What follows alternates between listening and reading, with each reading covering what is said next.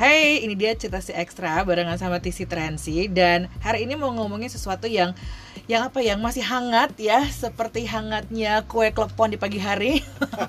Tapi hari ini gue akan uh, wawancara dengan salah seorang uh, pengamat media dan juga seorang dosen di Presiden University. Nah, beberapa hari belakangan ya kan seperti yang lo tahu media-media di Inggris ini memberikan pelajaran penting gitu ya gimana sih cara ngeliput dan juga memberitakan berita kasus kekerasan seksual siapa lagi kalau bukan kasusnya yang di yang dijuluki sebagai pemerkosaan terbesar dalam sejarah Inggris yaitu yang dilakukan mahasiswa Indonesia bernama Reinhard Sinaga. Menariknya nih ya, banyak artikel dan pemberitaan ataupun conversation di sosial media seperti sosial media kamu semua ya yang membandingkan antara pemberitaan di media media di Indonesia dan juga di Inggris. Nah, ini dia Muhammad Raudi Gatmir yang akan kasih komentar sedikit soal ini. Jadi Pak, banyak yang banding-bandingkan nih gimana cara media di Inggris memberitakan kasus ini sama media-media di Indonesia. Kalau menurut pengamatan Pak Raudi gimana nih? Iya, semuanya kembali pada sistem uh, media, sistem jurnalistik dari masing-masing negara karena sistem media itu dikembalikan pada budaya masing-masing negara ya bangsa. Nah kalau ke, kalau kita melihat kasus uh, Reinhard Sinaga ini seperti banyak diberitakan akhir-akhir ini media Inggris itu sangat fokus pada uh, tertuduhnya yaitu Reinhard ini. Hmm. Itu sangat berbeda kalau kita hmm. lihat di media-media di Indonesia ya lebih banyak menyoroti aspek uh, apa namanya hal-hal yang tidak esensial di sana. Mm-hmm. Maksud saya dengan esensial ini adalah bukan kasusnya atau tertuduh tertuduh sebagai pelakunya, tapi lebih ke atribusi hal-hal yang sifatnya atribusi yang yang sifatnya tidak tidak signifikan bukan hmm. misalkan misalkan latar belakang keluarganya terus oh, suku bangsanya apa hmm. asal sekolah SMA-nya apa hmm. kebetulan ini Reinhardt ini dari SMA di Jambi itu kampung halaman saya. Kampung saya juga, halaman ya. Waduh, saya juga, aduh, udah orang Jambi nih. Nah jadi sensasionalismenya itu uh, di apa difokuskan bukan pada isu developernya tadi atau pengembangan isunya, tapi lebih ke hal-hal yang sifatnya atributif yang atributif. yang sifatnya tidak tidak tidak tidak penting gitu loh. Bukan kasusnya, tapi yang di luar kasus yang diramaikan di Indonesia. Itu tentu saja tadi kembali pada yang saya bilang di awal itu masalah budaya ya. Budaya kita lebih heboh ke hal-hal yang tidak banyak hal-hal yang tidak ya substansial. Hmm Oke, okay, tapi gini ya, biasanya kalau ngomongin soal Inggris ya, di sana kan lahirnya apa ya, jurnalisme genre tabloid katanya ya. Mereka suka sensasi, mereka suka sesuatu yang berbentuk skandal gitu. Tapi namun uh, sepanjang yang kita lihat nih Pak ya, hal itu nggak dilakukan nih dalam kasus pemberitaan Red Hand Sinaga. Bahkan media-media yang terbiasa biasanya menjual gosip, berita perselingkuhan dan segala macam tidak melakukannya. Nah, kenapa sih media kadang-kadang itu suka unsur sensasionalisme? kalau melihat uh, tradisi dan histori dari yellow journalism di Inggris, yellow journalism ya, ya. Yellow journalism kita mm sebut sebagai yellow journalism. Mereka itu meskipun suka dengan hal-hal yang sensasional, tapi mereka masih dalam koridor hukum. Okay. Artinya apa? Budaya hukum mereka sangat tinggi. Okay. Jadi selama tidak tidak menyentuh atau melanggar hukum, mereka akan meneruskan uh, sensasionalisme mereka itu dalam uh, yellow journalism tadi. Berbeda dengan Indonesia kita sensasionalismenya ya? tuh sering kali menabrak uh, koridor hukum. Oh, okay. Ini yang membedakannya.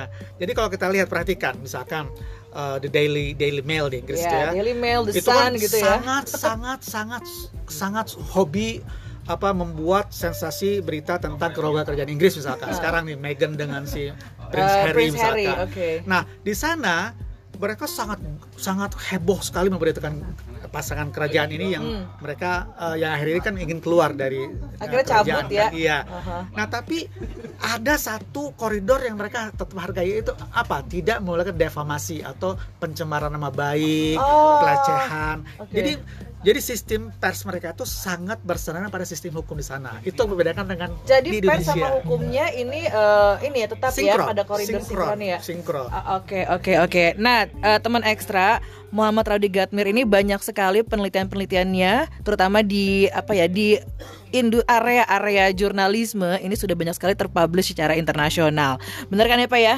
Mudah-mudahan seperti itu.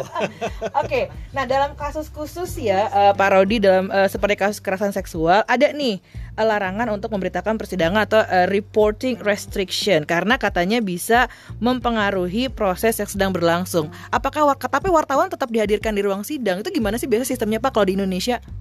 Kalau saya melihatnya uh, karena saya bukan ahli hukum, mm -hmm. tapi kita per, kita dibiasakan untuk mm -hmm. familiar dengan hukum pers ya. Mm.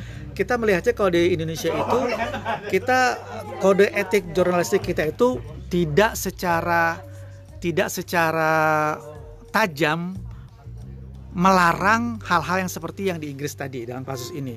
Contohnya misalkan dalam dalam pemberitaan-pemberitaan tentang selebritis uh, Indonesia hmm, ya. Hmm, hmm. Kita melihat bahwa selebritis itu sudah trial by the press sebelum trial by the press sebelum ya itu. mereka itu diputuskan bersalah oleh pengadilan. Oh, okay, okay, Karena okay. itu tadi kita sensasionalismenya itu sering melabrak hukum, sering, sering melanggar melabrak, hukum. Oh, okay. Ini perbedaan tajamnya dengan sistem di negara-negara barat seperti di Inggris dan di Amerika. Hmm.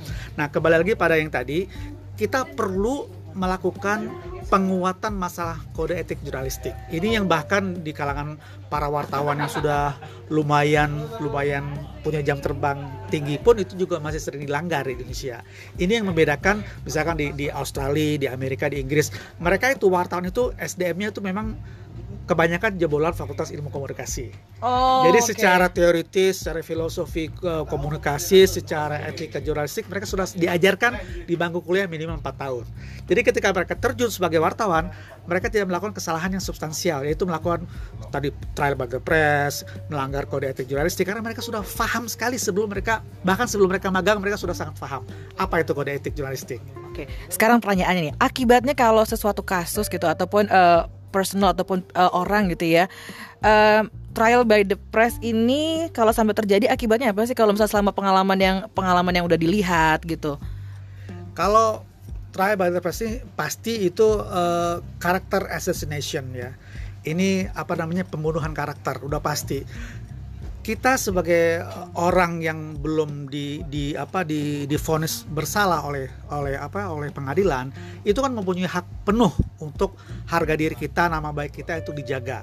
Dengan adanya pembunuhan karakter tadi yaitu dengan melanggar apa tadi melanggar privasi kita misalkan si terdakwa itu dengan private trust ini ini merugikan kehidupan sosial si ter, tertuduh tadi si tertuduh tadi ini kan belum selama proses hukumnya masih berjalan dia adalah orang yang bebas orang yang kita anggap tidak bersalah hmm. sampai dia dibuktikan bersalah baru dia bisa itu pun juga dia masih memiliki hak banding kan hmm. ya saya nggak bicara secara aspek hukumnya saya meli, saya bicara secara secara murni secara uh, kode etik jurnalistik Oke teman ekstra mungkin nanti kalau secara aspek hukumnya kita akan bikin episode berikutnya ya.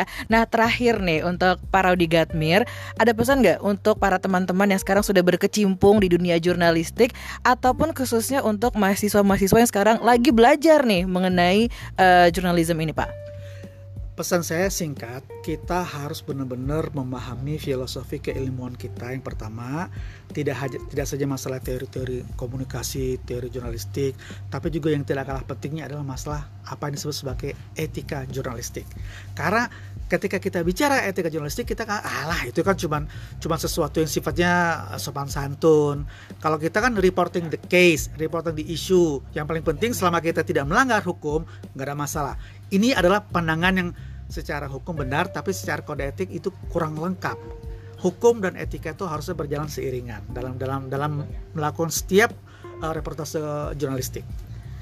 Oke, terima kasih Pak Rodi Gatmir. Nah, itu dia cerita dari cerita ekstra dari Muhammad Rodi Gatmir, seorang pengamat media dan juga pengajar atau akademisi di Presiden University. Terima kasih dan nanti kita lanjutin lagi ya. Terima kasih Mbak Desi, sama-sama.